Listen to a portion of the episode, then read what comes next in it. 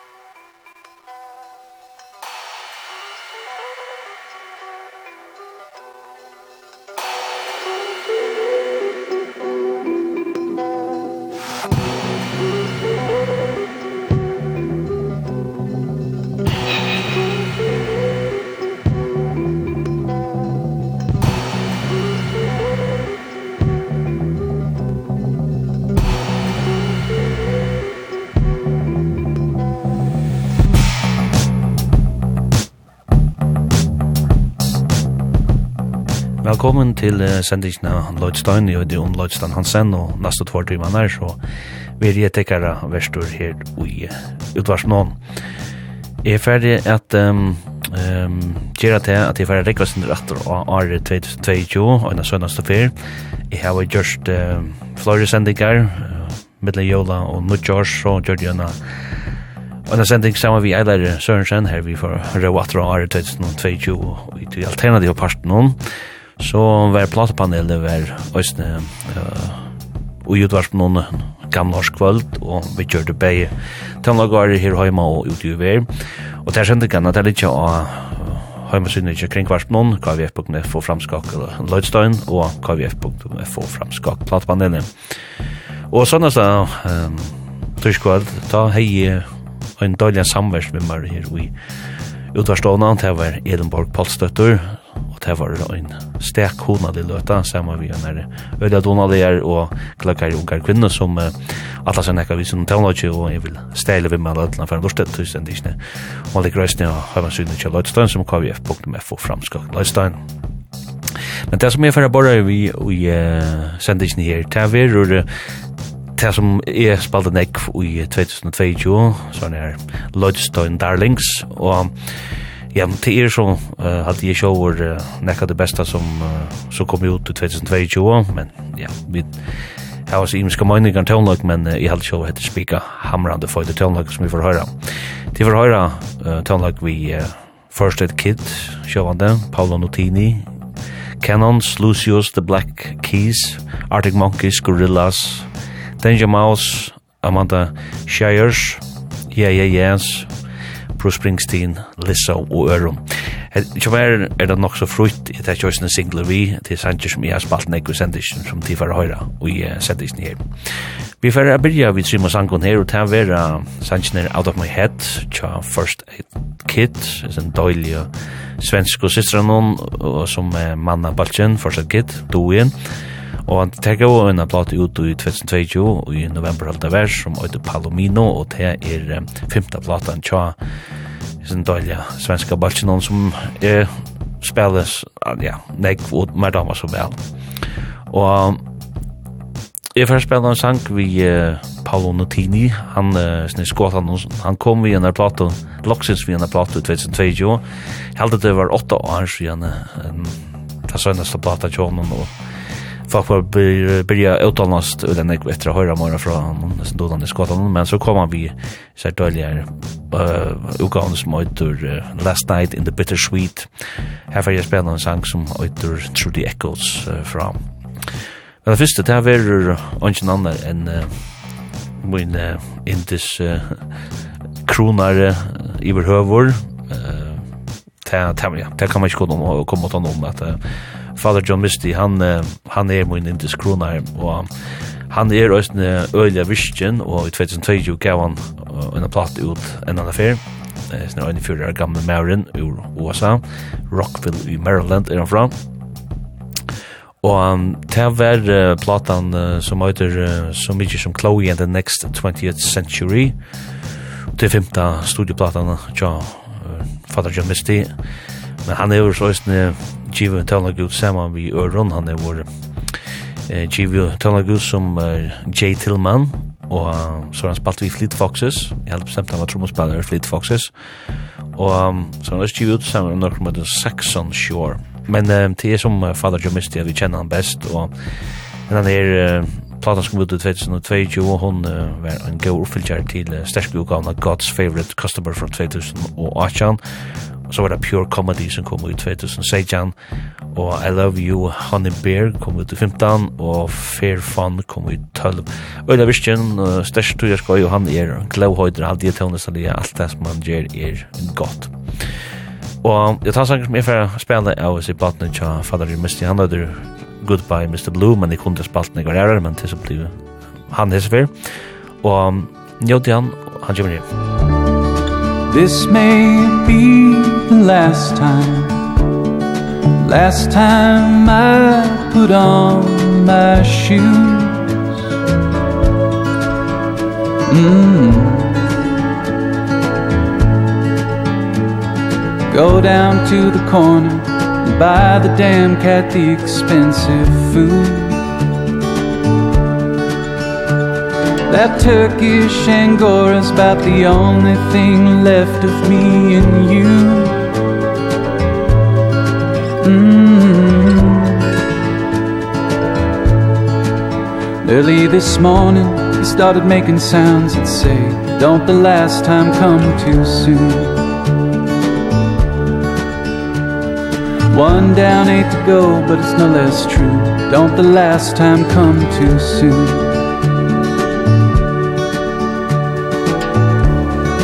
Mm-hmm.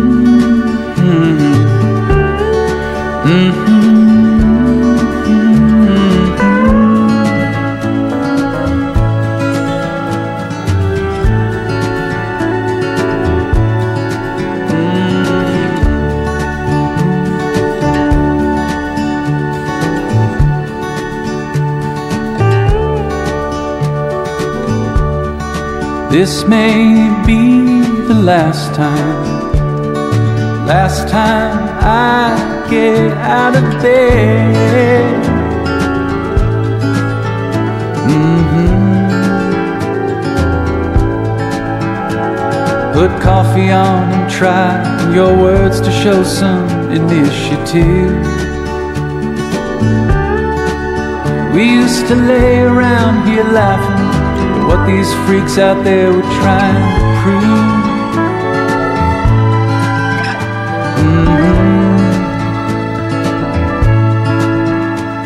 What's wasting time if not throwing it away on work When the last time comes so soon? Mr. Blue died in my arms, nothing they could do. Don't the last time come too soon? Love's always come to leave you. No matter what they say You only know what it is. Once it's gone away.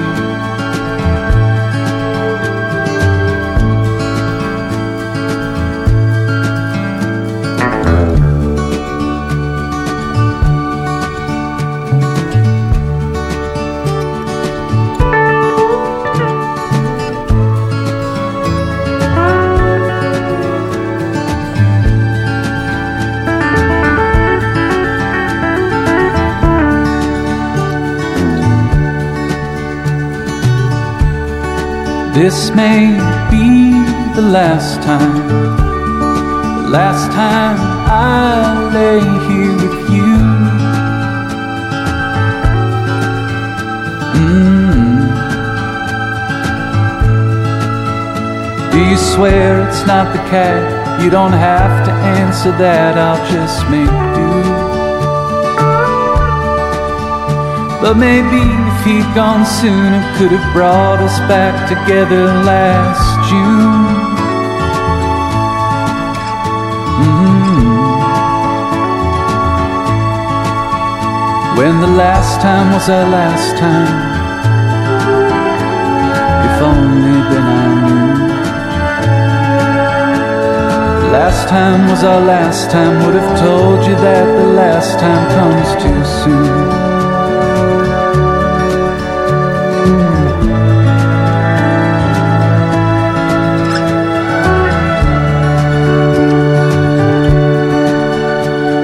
last time was our last time Should have told you that. Last time comes too soon.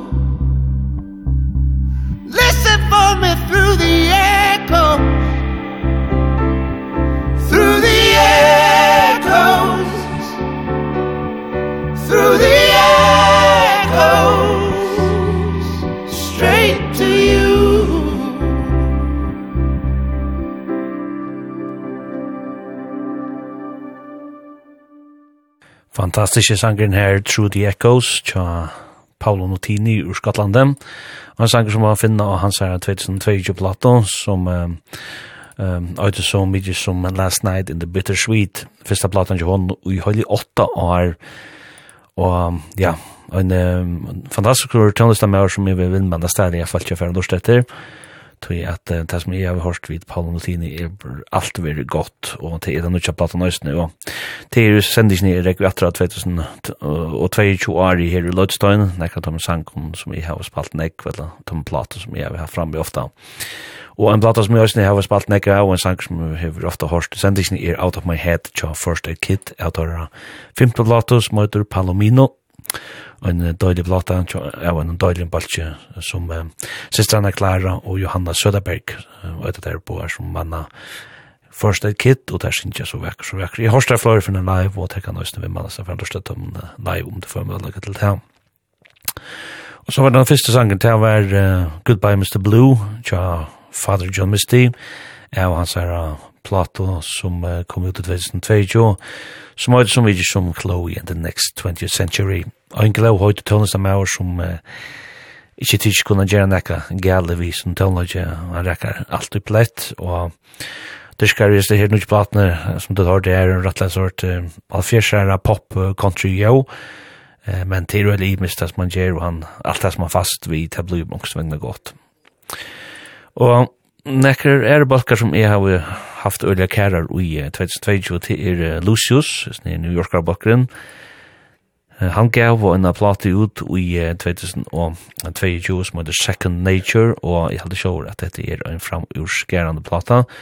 Her er nekker Geo Sanchiro i Aspa spiller Florida Adamon, og jeg først å spela tann som heter White Lies, en sin der frie liv, en ballada kan man si, og ja, sterske sanker til at det er tver damer som uh, Sincha og Lucius, på samme måte som i First Kid, og hes er ikke systrar, men uh, det gjør bøtjen noen holdt seg en klang og til ja, avverst og etter en bakker som bare blir større og større for hver dag som, uh, som gonger.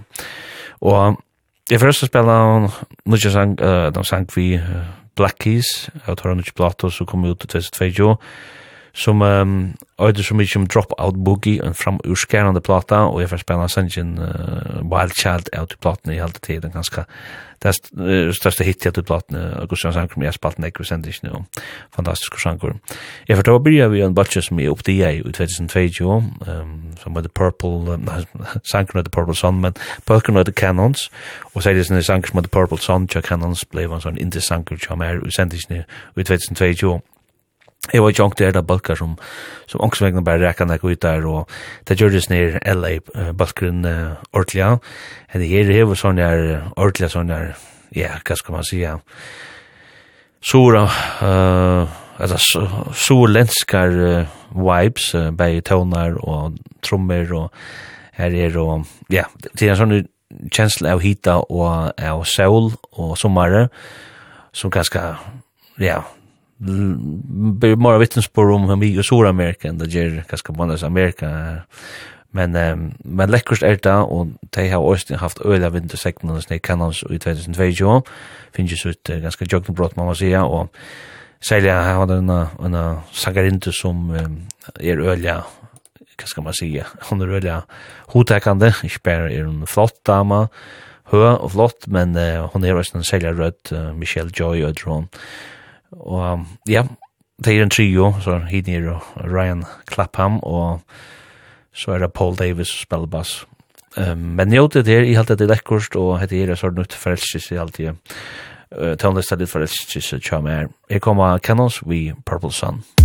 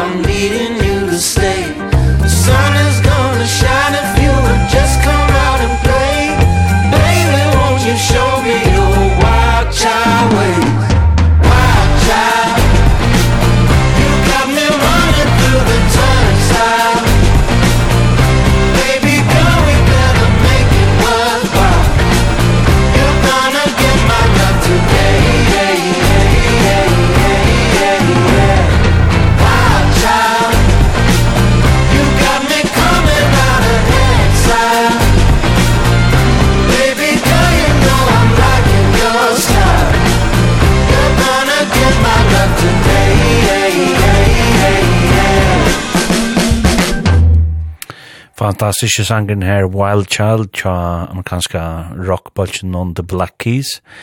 Rockbolchen, og ganske nek sagt, det er en duo som er the Black Keys. Og sangen er finna av Torra 2022 plato som heter Drop Out Boogie. En og en fantastisk plata, tja er nere blues rock, garage rockbolchen on, over USA, og Jeg kan bare stelle vimmel, alt det som du det i gjør, det, det gjør jo alltid jamt og samt, du sender ikke Torborger og Dan Auerbach og Patrick Kearney som mann av Balchen, og så er det Dan Auerbach er en sånn interest tonelaga, um, tonelista med over, bei framlager og tonelager. Tja mer, uh, alt det som jeg, han gjør, damer mer, um, og han framlager nekko til godt at han er ulla virkjen. Og Arne, så har det vidt, um, dåliga New Yorker Botchen Lucius, vi sannsyn om White Lies, og til en sanger som jeg finner avtarere plato fra 2022 som er uh, Second Nature, og en sanger som jeg har spalt nek, og ja, jeg behøver en plata som jeg har um, haft øyne kæra i 2022, hun kom ut i april, 8. april i 2022.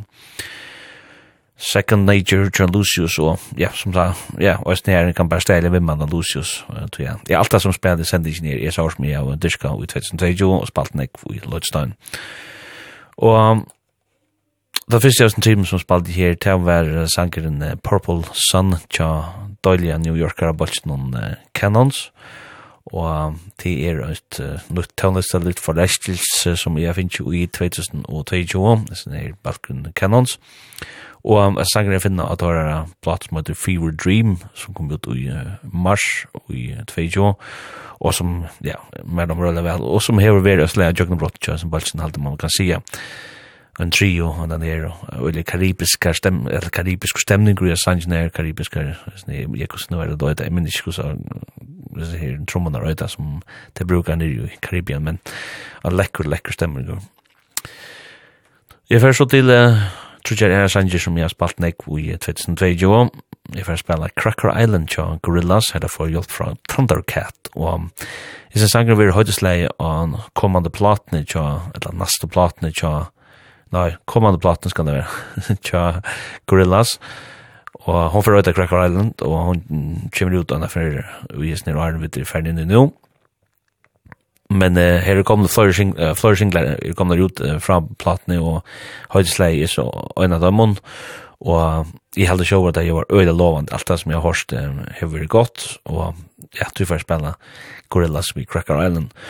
Og så uh, kom et øyne størst samstarv uh, i Lea i 2022 og kom ut i denne platen. Det var uh, samstarv i middelen uh, uh, omgang annan enn uh, en den her Danger Mouse, en den her superproduceren og sangskrivaren, som, um, ja, hever arbeid sammen med god og kvarje manne, og med den østen var vi at uh, jeg stående i bølgen Nars Barkley, som han hittet størst vi, men alt det som snir Østen Rører blir tablu rongsvekna til Gotland, man kan sija. Han er så funnet sammen vi en uh, mann som heter Black Thought, og Isen her Black Thought, han er uh, en av uh, sangaren i uh, uh, The Roots, en døylig balkur som uh, faktisk er, um, kan man säga, uh, faste balkur uh, i Tonight Show tja Jimmy Fallon. Her kom du så The Roots uh, framføra. Og at Torbar har så funnet sammen, det er samstart har arbeidet på en ek var jeg om lyst med framtiden, men uh, Torbar finnes så at gjøre en plato som heter Cheat Codes, og hun vil er mange råkna som et masterne versk, kusina for hiphop og sjankerna, og er røyst ved middelen til platene som er blevet framhevjer som uh, til beste ut i 2022. Ta fyrsta sangren er for spela, ja, ta sangren som er for spela er til Blotting Tom, han heter Aquamarine, men ta fyrsta sangren som er for spela er som der, Nair, ta verir en sangren til Arctic Monkeys som heter I Ain't Quite, uh, I Ain't Quite Where I Think I Am, og um, det er en sangren som er finna av Torara Nudjas Blotto som heter The Car, og um, The Car er en uh, plata som um, teker tryen opp uh, fra Tusanas platene tja, um, hvis ni Bachelor ur Sheffield, uh, Arctic Monkeys, tam blatan etter Tranquility Base Hotel and Casino som kom ut i 2018. Og vi til Kar, som vi der er kjenta plata forresten, så tekka der tantraen opp på Oderska Måre det her, og sindur, um, jeg vet ikke hva man skal kalla det, det er, uh, uh, sindur særlig jo, det er ikke Arctic Monkeys som vi kjenner det fra Birjanne, um, tredje så at det er sånn, um, art rock kallar man det, sånn progressive rocker, men men men absolut en en en plata som ja som är mer och snackar om lounge och jag var sån mer sån Atlena och reda orkestrera orchestral rock brukar några som høyde på det er, til at det er sånn pompøst og sånn, og teker sånn ekva jazz og soulmusikk inn, så det er et særlig, eller særlig uttrykk der her, man funnet et adirske løtene, og det er alltid, alltid man skal være åpen i fyrir, at balkar som har spalt så langt sammen, at det er tåre at genga nødja løyer tøndlesalige, at annars køttan der totalt. Og um, jeg vil si platene til Kar, her var jeg spillende hans ingeniørsmøter, I ain't quite where I think I am.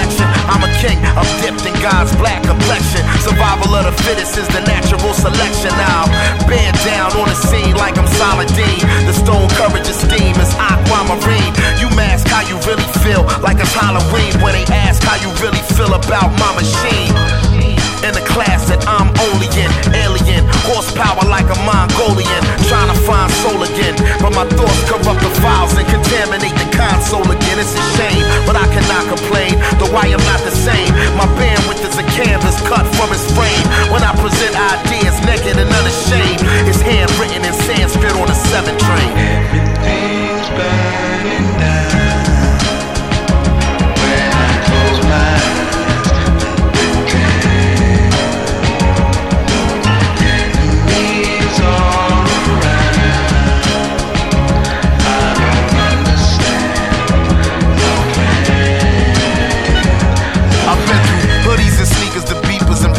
features hustling nicks a reefer the tussling with the reaper. Sensory deprivation to ultimate synesthesia.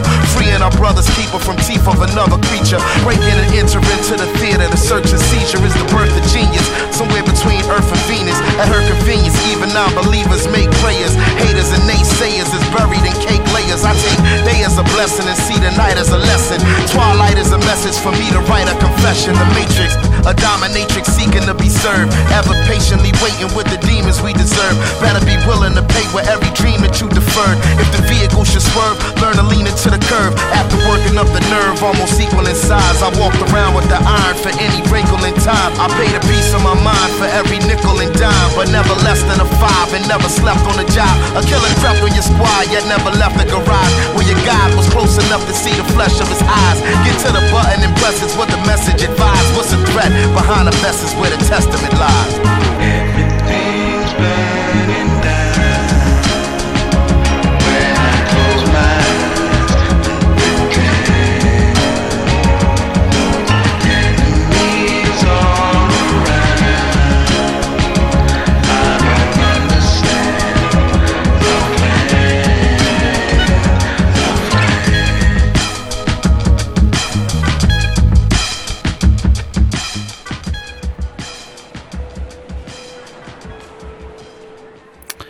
Ja, skal man trykva om malaren så er det her et hiphop mostaraversk, nudja platan tja Danger Mouse og Black Thought, og nøyder Cheat Codes, og av henne hørte vi uh, sangen uh, som uh, øyder uh, Aquamarine, en, uh, ja, i alle sjåver en øylaga sanger, og en som jeg spalt nek, og tar finnes også en hjelp fra en som heter Michael Kiwanuka, og altså platen her, det glemte jeg å si, eller altså her, og altså sangen her fra platen. og Ehm det glömde jag säga Arne Sangren per luftna.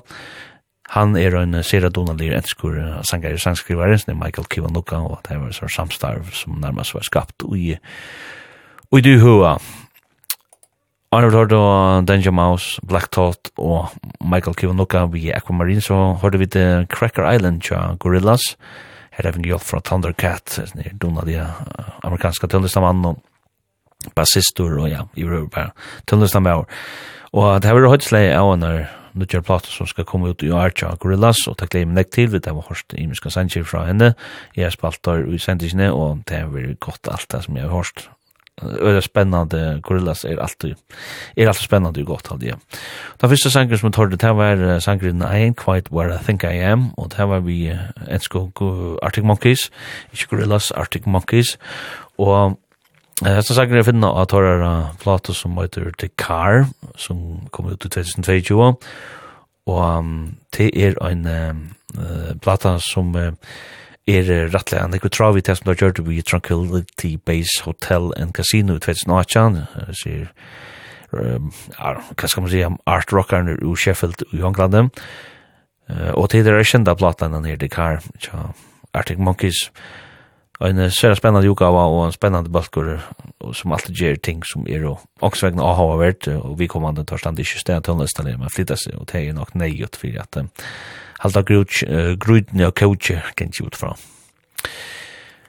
Jeg får så å spela jeg Sanchez her som Øysne var nek var at høyra i Lødstøyne 2022 Jeg får spela en sang tja Dolja New Yorker-balsen Yeah Yeah Yes som heter Wolf og det er en sang som jeg finner og Tar jeg første plat og siden 2013 tja hvis det i bare noen Yeah Yeah Yes som heter Cool It Down. Jeg kunne ikke arbeide til at det ble vel 90 år siden det gikk ut søgnast det var Mosquito i 2013 så det er kanskje kommet comeback tja Yeah Yeah Yes og det er en døylig plat den her Cool It Down og mer damer vel test ja, flere sanger som jeg har stående og jeg har spalt flere av dem og jeg får spela som Wolf Wolf. Og så var det en med som gjør nek om seg i 2022, det var Jack White, som folk flest kanskje kjenner fra The White Stripes og Seven Nation Army Sanjanon. Og Jack White, han uh, gjør ikke med enn han uke av uh, tver høyla plater i uh, 2022, og det er ikke øyde, må man sige. Så at att um, här kom bäj vi uh, plattan Fear of the Dawn som er en våra rockplata som vi kjenner fra Jack White. Og så kom han også vi Entering Heaven Alive som är mer en folkplata. Og um, ja, mer dom de boa plattorna men uh, jeg har nok uh, spalt mera uh, sanjer av sig og særlig ja, Snis sanger som jeg får spela, som heter If I Die Tomorrow, alt de er sjåver i den, og en standande gøyur folk rock sanger, ballatene, altså. Men vi får börja vid en dame som heter Amanda Shire som er uh, fyrst for ordentlig oppdia i 2020 och sen synda sig fra att hon er ikke nødt på hon mata hon er fjörde år gommel og hever givet tjej plater ut og hon gav platna Take It Like a Man ut i 2022 og Det er en knesen og donalig dama, stersk tøvnlistalia, og hun er også kjent fra balkon som uh, The Highwaymen, er å spille sammen med Brandy Carlyle, Maren Morris og Natalie Hemby. Hun spiller også med balkon hun tja mannen og tja sær, som er Jason Isbell and The 400 Unit, som er en balkon og en tøvnlistalia som er spiller nekvir i, i sendisene, Og så er det noe som passer av next heter Texas Playboys, Thrift Store Cowboys, og Øren. Hette her er en driftig dama, og mer damer utrolig vel det som jeg hørst av platene, og jeg først spiller en sanger som heter Hawk for the Dove, som var en syndrom Lødsland Darling, og i 2022, og han kommer hjem.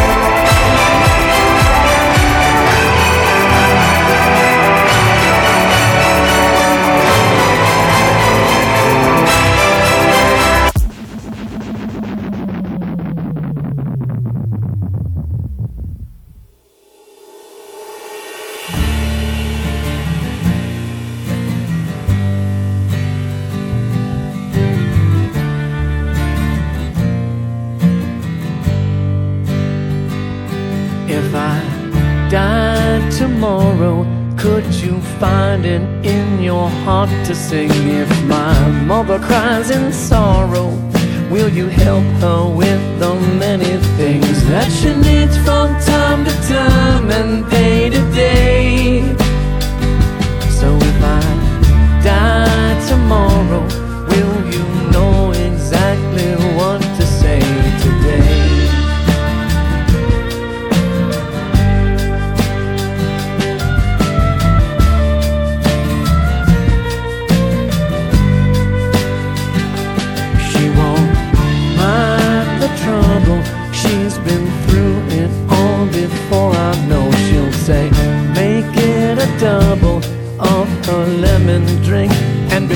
you know. She'll be laughing about the times and those old days. So if I die tomorrow Promise you can walk away.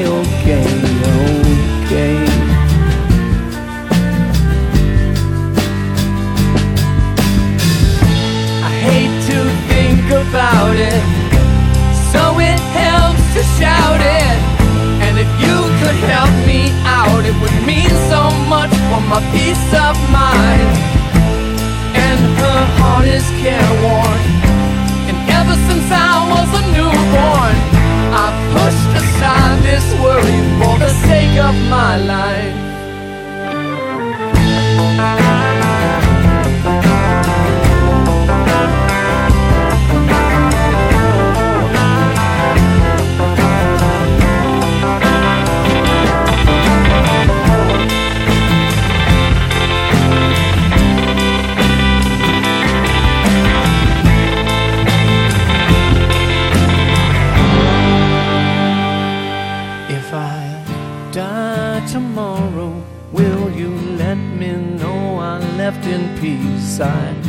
begged and I borrowed everybody's love and they gave for free. And I wish that I could give it back to them. So if I die tomorrow will you give them all the love they lent to me?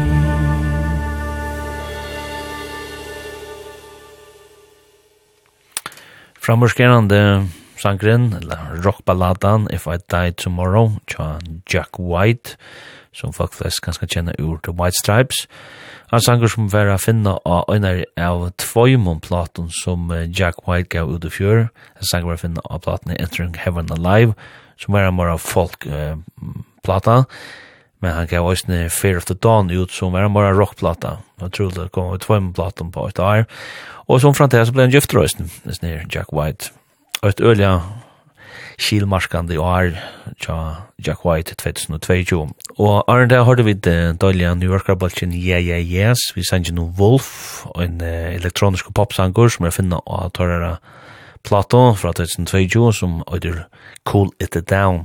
Fyrsta plateutgaven tja Yeah Yeah Yes, så gjerne 2013, da det utgav platene Mosquito Så til jeg her kom jeg til jeg kom at det er en døylig balken her ur New York, og ja, til jeg viser her Karen O8, så er det Nick Sinner, og Brian Chase som manna Ja Ja Yes. Og ta fyrst jeg snart timen sangen om det her, det var så Hawk for the Dove, tja Amanda Shires, som er uh, stersk uh, amerikansk tøvnløse kvinna, som um, kommer ur Lubbock i Texas, og hon er en dama som også er, er finna i flere ørenbalkon. Hon er finna i Jason Isbell og The 400 Unit, hon er vi i uh, The Highwaymen, saman vi Brandy Carlyle og Øron. Og hon gav så sånne kjent og solblått ut oss i 2022, her er sånne sjangen her er finna, som heter Hawk for the Dove, og den um, platan hon um, ödder så mycket som uh, Take It Like a Man. Ja, her må være anker, uh, hva sier jeg, tvoi tuttninger ui as nær høyden nær. En um, dama som er i ordla fallen fire, Tony Stallian nu i 2022. Så fer jeg til uh, Sindemara, hva skal man kalla det? Ja, Sindemara Rockot, Blues Rockot. Um, ja, treyde så at uh, jeg får spela Bruce Springsteen, uh, Jeg har en nødvendig plata for Spassange som heter Do I Love You, Indeed I Do. Den nødvendig platan er sin drøvelse til at det er en plata vi coversjangon, Tøk og hun kallas for Only the Strong Survive. Og det er en, det er det er faktisk den neste uh, platan vi coversjangon som uh, Bruce Springsteen uh, gjør ut, um, hon er nummer, hva er det? 21, 21. utgaven Chabro Springsteen, studieutgaven, and den er Only the Strong Survive, og um, det som ligger uilugga som konsept når vi er han, at det var det Bruce Springsteen vil gjerne røyna gjerne plate her han ikke spalte gitar og bara sang og det som han så gjørst er så han vil lukka The Great American Songbook of the 60s and 70s som det er stendur her skriva Lucas Magera blassa av nytt liv i nekra sankun her og som kom ut av og han som vi tar der eller vi fer vi tar var hårst vi fer høyra til er Do I Love You in Did I Do og til er en sanken av Frank Wilson.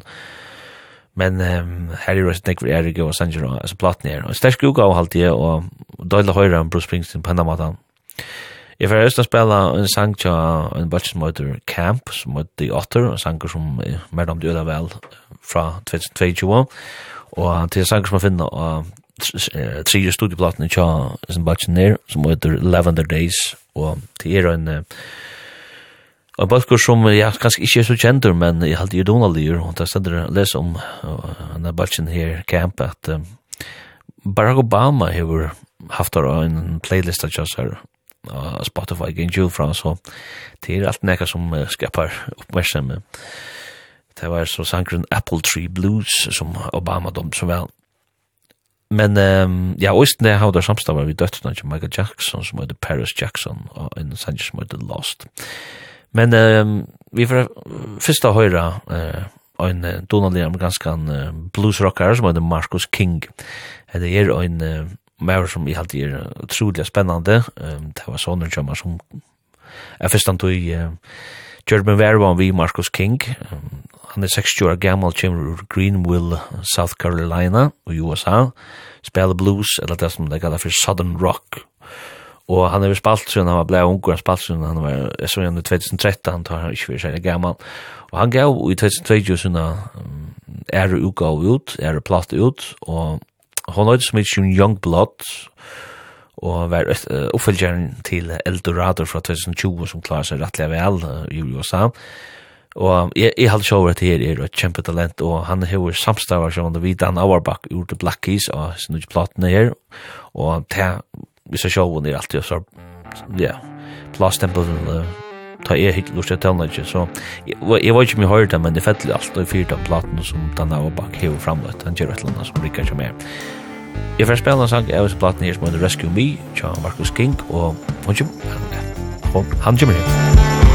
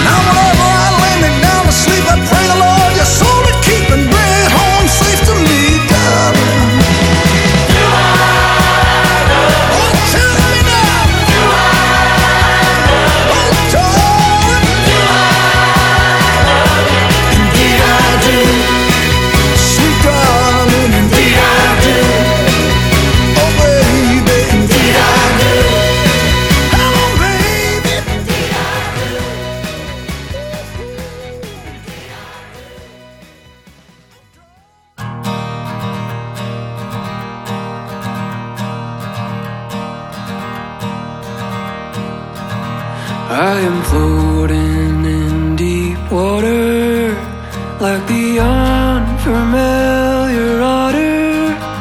In love with someone's daughter I'm going to lose float.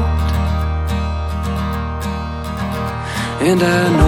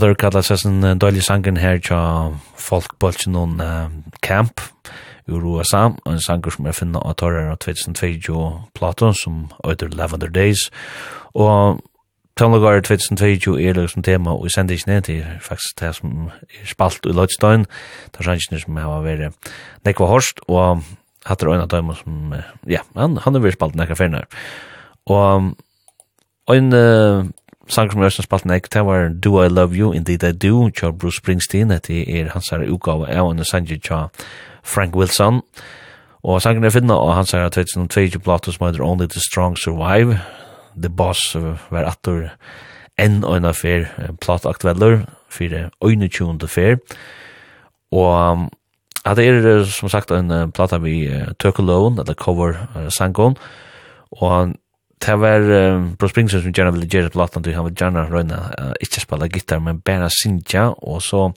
er det en sånn kvåa til det som man kallar for The Great American Songbook of the 60s and 70s. Og ja, en døylig um, plata, og uh, den neste fyr han uh, røyner til um, vi etter gjøre tøkkelø, han spiller covers inn, eh hinna fer varta i 2005 ta i han gav at det her som heter The Seeker Sessions ut We Shall Overcome The Seeker Sessions. Nei, det er 2006, ikke 2003, ja.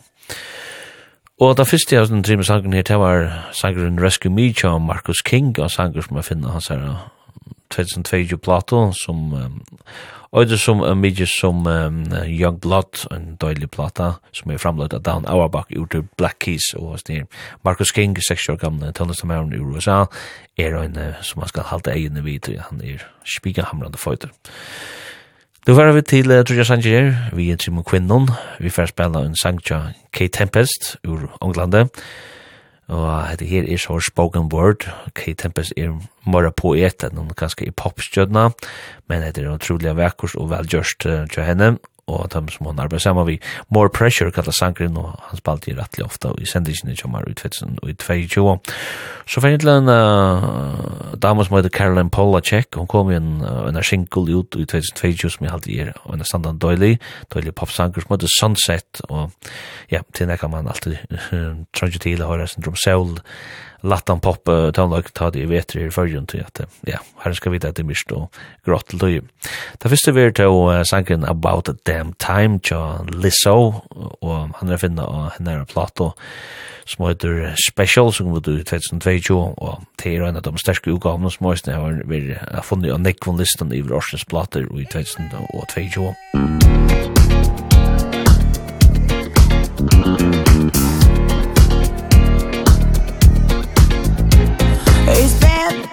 clock, yeah, it's thick 30 I've been through a lot, but I'm still flirty Is everybody back up in the building? It's been a minute, tell me how you're healing Cause I'm about to get into my feelings How you feeling? How you feel right now?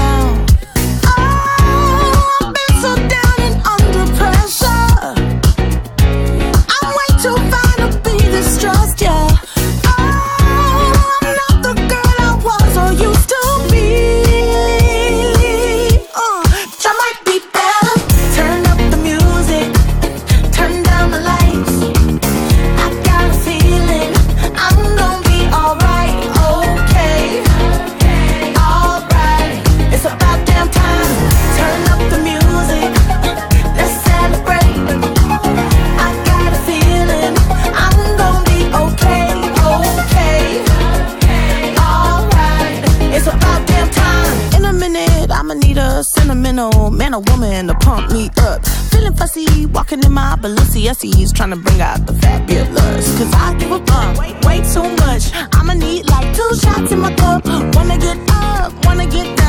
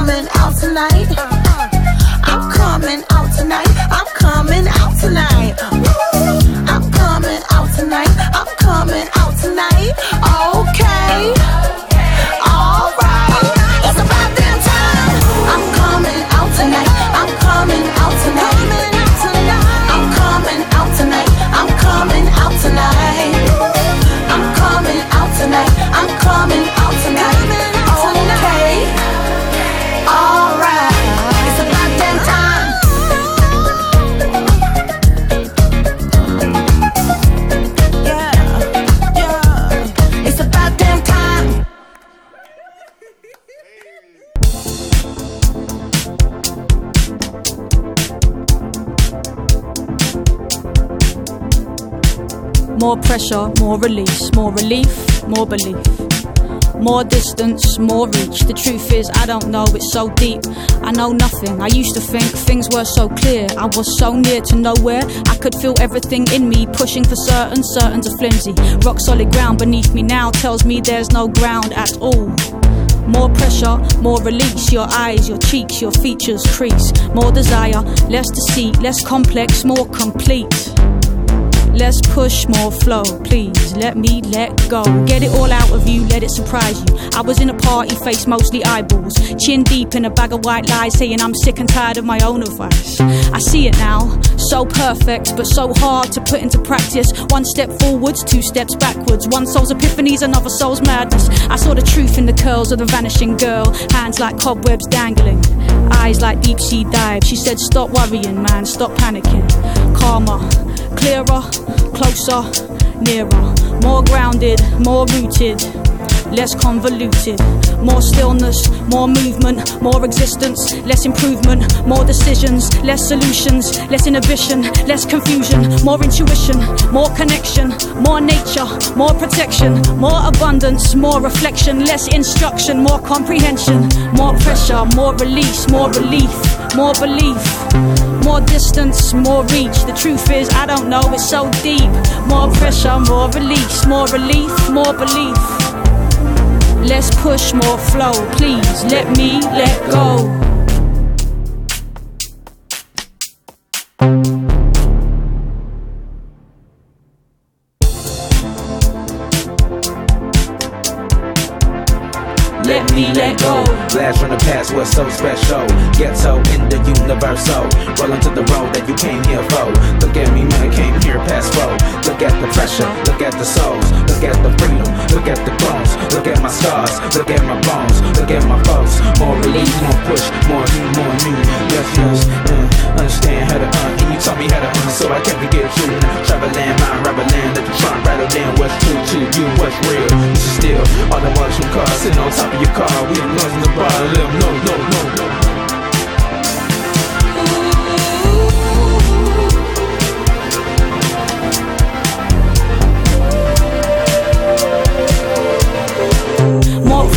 More release, more relief, more belief. More distance, more reach. The truth is I don't know, it's so deep. More pressure, more release. More relief, more belief. Let's push, more flow Please. Let me let go.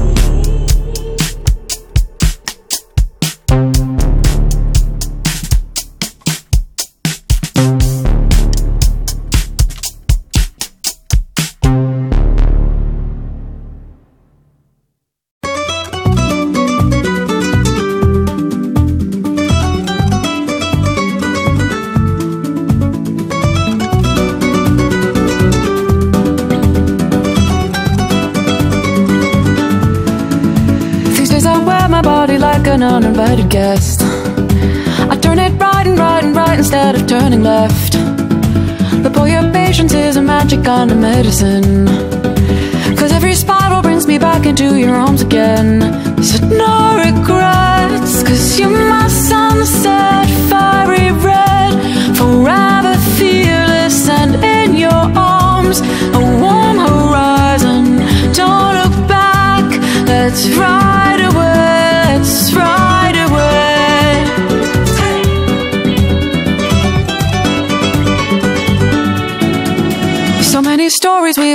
about a safety net.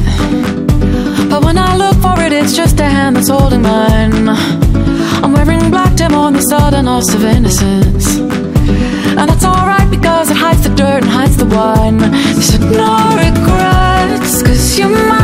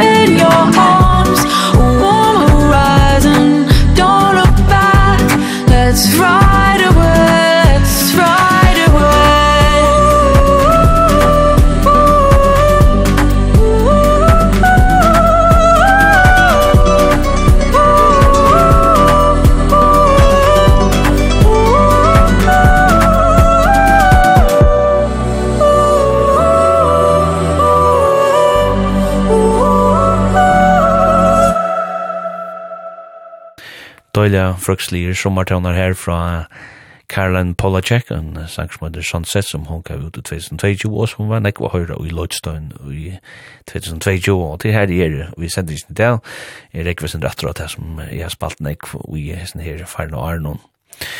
Og Arnon her som var da Kate Tempest, her han fikk jo fra en som heter Kevin Abstract, og det var sanger More Pressure, og en døylige sanger som, um, ja, som, uh, jeg parste er nødt til rak noen, eller jeg vet ikke om det er nødt til rak, men det går så rak som er nekk framme på nå, vi har spoken word, um, som er nekk i England få vi, og Kate Tempelson er ganske mer poet enn, enn hun er popstjødna, men uh, det ligger utrolig vel kjød om hun, og denne her, uh, Uh, platan som åka ut til 2008 The Line is a Curve og her er så sånn More Pressure sangen å finne.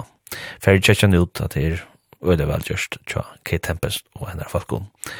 Og den første sangen til var så um, sangen About Damn Time tja amerikansk og superstjøtten Lizzo, sangen som man finner av platene Special som kom ut i 2022.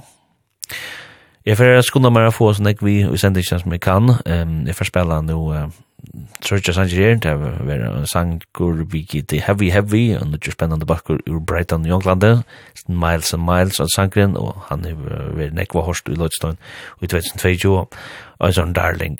Og så var det som spela en sang tja Andara, som øyder A Nocturnal Heresy, som er en døgnig sangur, som er spalt nekva i 2022 i sendisne. Men det første, det var en annan enn en sur afrikansk country eh, tavlistamæren som heter Orville Peck, at til navnet som han spiller under. er er ein sum bryter allar eh, lover og regler innanfor kontratonøyk. Han er samtjentur og diskar og et ølja flamboyant eh, samkjent uttrykk. Jeg vet ikke om man kan si det på den mannen, men han eh, fer lengt i umarsk eh, innanfor det uh, mer traditionella country, men han er ølja, ølja donaligur. Han gav henne ut med The Bronco som er en uh, fralig utgave, og av henne så får jeg spela en sang som um, øder uh, så mye som The Curse of uh, the Blackened Eye. Og ja, jo det der, her kommer Orville Peck. Mm.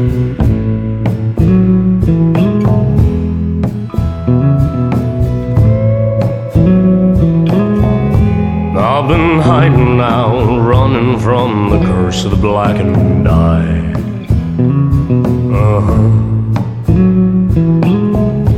Darling, I can feel it coming Every time.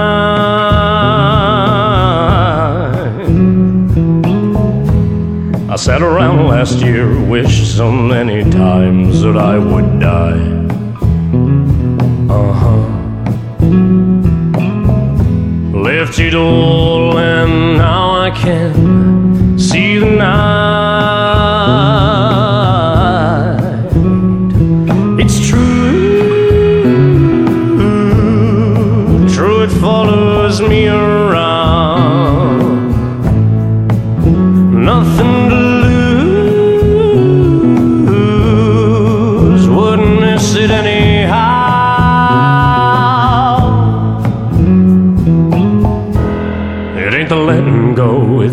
are about the things that you take with Uh-huh. I can feel it getting closer With every kiss.